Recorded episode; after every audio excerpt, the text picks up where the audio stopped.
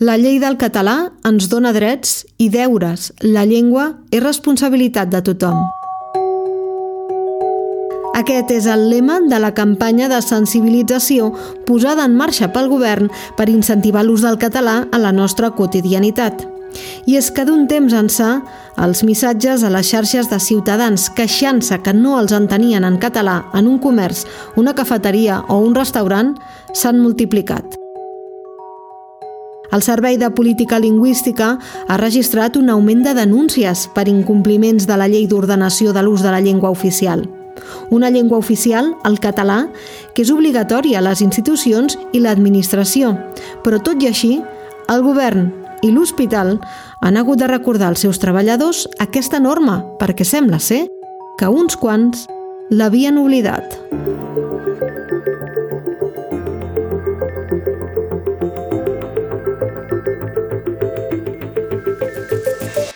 Hola, sóc l'Ester Pons, això és l'Altaveu a fons. I avui parlem. En català?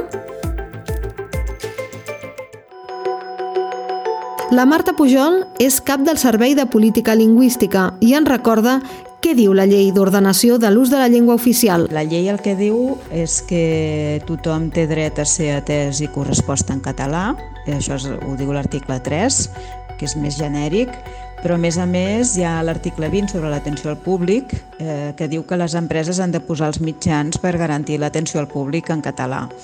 Eh, això fa referència, evidentment, a totes les empreses, tant privades com públiques, però a més a més els organismes públics estan eh, regulats, els usos eh, lingüístics els organismes públics estan regulats pel reglament d'ús de la llengua oficial en organismes públics que, que estableix que la llengua de l'administració evidentment és, és el català, i per tant l'atenció per defecte en qualsevol organisme públic o entitat pública ha de ser en català.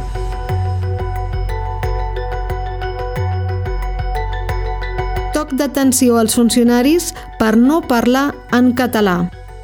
Aquest és el titular d'una informació publicada el passat maig a l'Altaveu.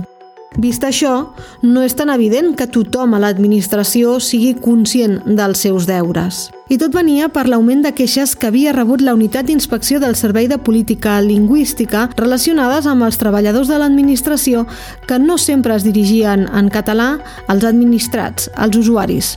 Una situació que també s'ha repetit a l'hospital. També hi ha eh, incompliments d'organismes públics. Ens arriben queixes a vegades sobre els comuns eh, sobre els usos lingüístics als comuns o, o, o als SAS, no? a l'hospital o als centres d'atenció primària. Eh, bé, normalment quan comuniquem aquestes eh, queixes l'administració afectada mm, ràpidament es posa en marxa per eh, resoldre-les. Pel que fa al servei eh, d'atenció sanitària, eh, bé, ja sabem que hem viscut una situació doncs, molt complicada amb la pandèmia eh, ens eh, havíem mantingut algun contacte a principis del 2020 perquè la situació cada vegada era més complicada. Eh, però bé, hi ha hagut aquests dos anys pel mig en què eh, entenem que eh, doncs, eh, encara es va, es va complicar tant tot que, que abans era oferir l'atenció la, corresponent eh, en, en qüestions de salut que eh, resoldre aquests problemes de, de legislació lingüística o d'atenció en català i eh, ara fa poc doncs, ens hem tornat a reunir amb serveis de, del SAS i, i hem acordat que, que, trobar, que buscarem vies de col·laboració perquè els metges, eh, les, els llocs de treball que s'han de cobrir que no es poden eh, cobrir amb, amb, amb metges o amb professionals sanitaris d'aquí, doncs eh, aquestes persones puguin eh, aprendre català fàcilment i, i en els terminis que corresponguin eh, i, i es pugui complir la legislació com cal. Els primers mesos del 2022, el nombre de denúncies relacionades amb la llengua ja havia igualat la xifra que es va assolir en tot el 2021. I es calcula que a finals d'any la xifra es duplicarà. Li he demanat a la Marta per què creu que estem arribant a aquesta situació. Les causes doncs, eh, poden ser, eh, es poden interpretar com a, en, en part també per un, un factor positiu que és la, la, conscien, la conscienciació ciutadana. Hi ha més persones cada vegada que tenen eh, consciència dels seus drets lingüístics i, i per tant els exerceixen però també hi ha la, la cara negativa, que és que doncs, mm, eh, sembla que hi ha molts, molts incompliments o, o almenys són més visibles pel que fa als usos lingüístics per part de, de les empreses o dels organismes públics. Eh, no es tracta només d'empreses de, de, del sector del comerç i la restauració, dic perquè a vegades surten molt aquests sectors i eh, no hem de criminalitzar uns sectors concrets, eh, a vegades rebem queixes de molts altres establiments, tipus d'establiments, eh, des d'empreses d'instal·lació i manteniment d'ascensors fins a eh, centres d'estètica, i, i bé, intentem eh, gestionar-les eh, sempre de la millor manera possible. Recapitulem. El govern, doncs, ofereix cursos presencials gratuïts de català, cursos també virtuals, assessoraments lingüístics. Hi ha cinc centres d'autoaprenentatge al país. I també existeixen les parelles lingüístiques per practicar l'idioma.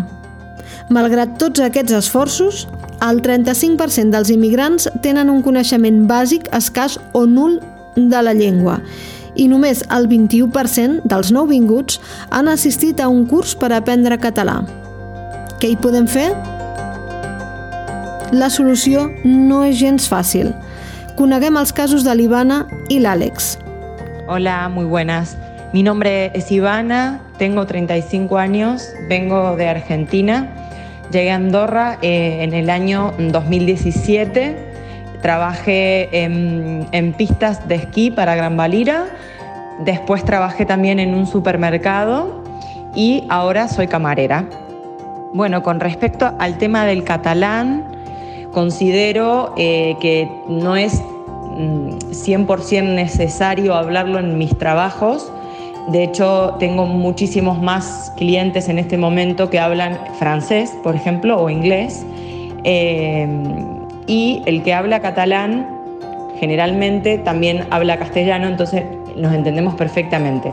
Si alguien me habla catalán, le respondo en catalán. No puedo mantener una conversación muy larga en catalán, eso sí, y lo que y no digamos no puedo no lo hablo por una cuestión de más de vergüenza eh, que de otra cosa en realidad, porque creo que estoy casi segura que podría hablarlo perfectamente, por ahí mezclando un poco en un primer momento, pero bueno, es cuestión de práctica y, creo que no, no sé si sería eh, totalmente necesario ir a hacer un curso de catalán.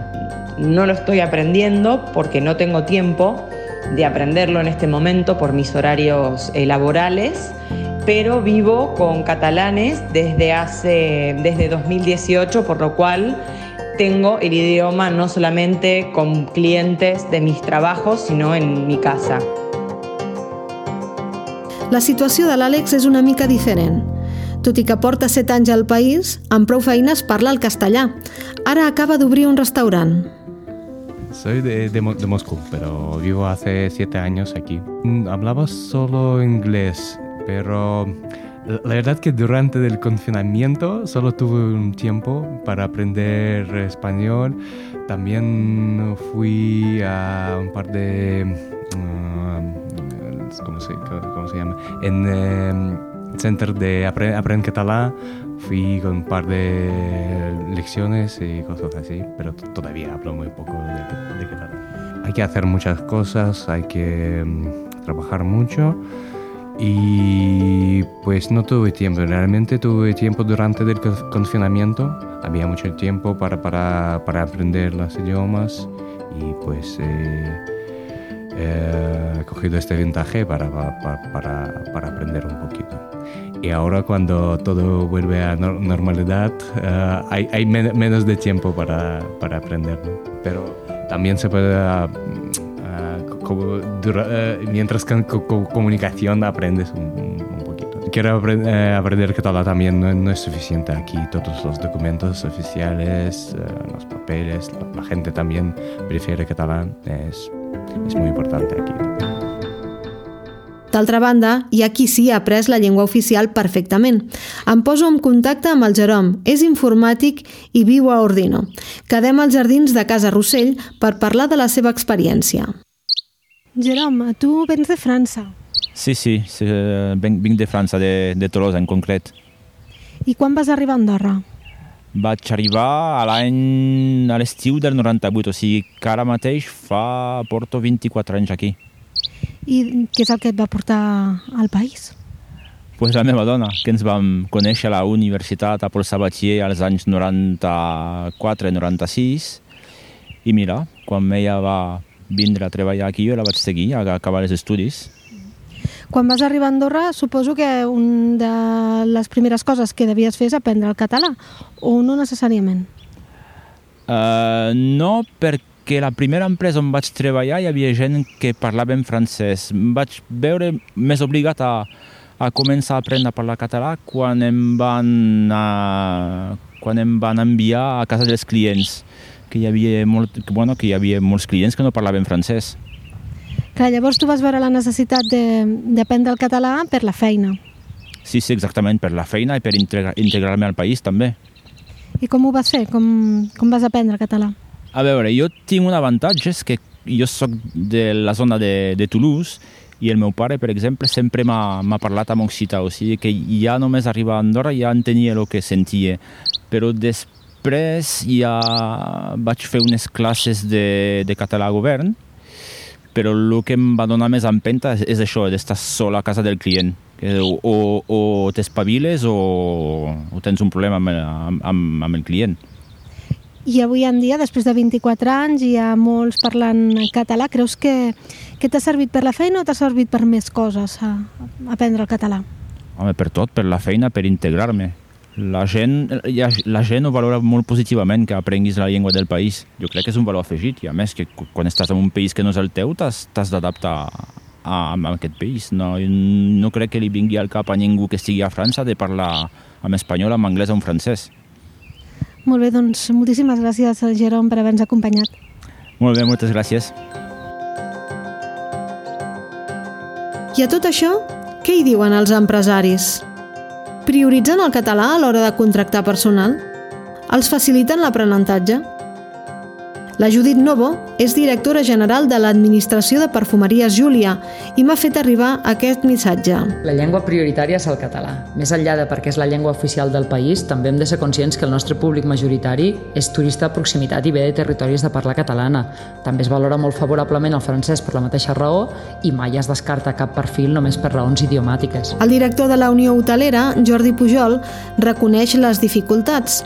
Pareu bé l'orella perquè ens hem trobat al carrer i hi ha molt de soroll. És important que, que a nivell de contractacions el, el personal que contractem doncs, eh, com a mínim sàpigui parlar català. Però bueno, també hem de tenir en compte no, que el mal endè- endèmic d'aquest sector doncs, sempre ha estat el, el, la manca de personal i bueno, doncs, eh, potser no en tots els moments tots els que s'han arribat a contractar doncs, compleixen tots els requisits que, que demanem. Però bueno, sí que és veritat que com a mínim eh, el català, castellà, aquí a Andorra doncs, eh, sol, sol, ser, sol ser més, norm, més normal que la gent el parli, no?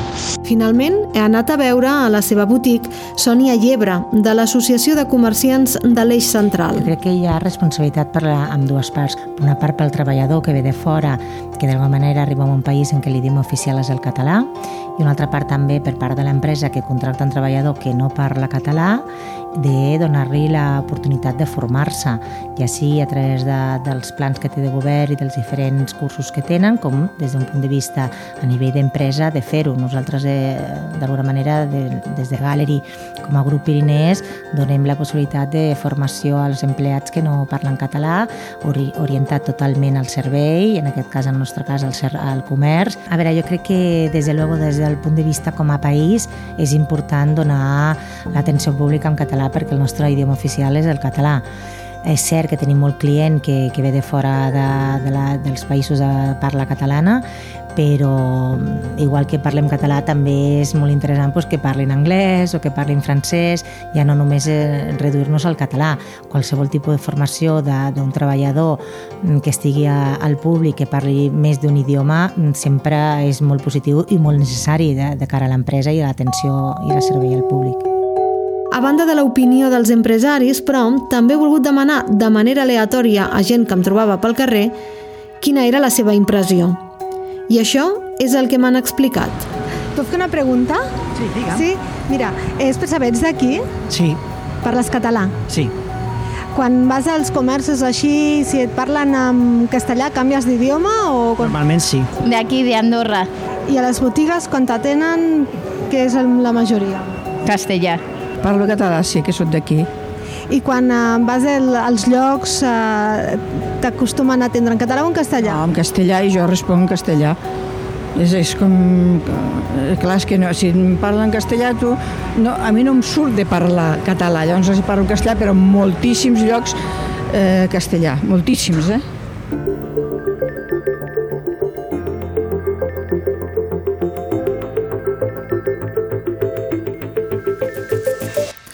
Català és a les escoles, a l'administració i també al carrer, però en aquest àmbit, el quotidià, també hi és el castellà i sembla que cada cop guanya més terreny. És una sensació o potser una realitat? Això ha estat l'Altaveu a fons. La realització d'aquest episodi ha anat a càrrec de qui us parla, Esther Pons. Espero que us hagi agradat. El pròxim dimecres tornem amb més històries.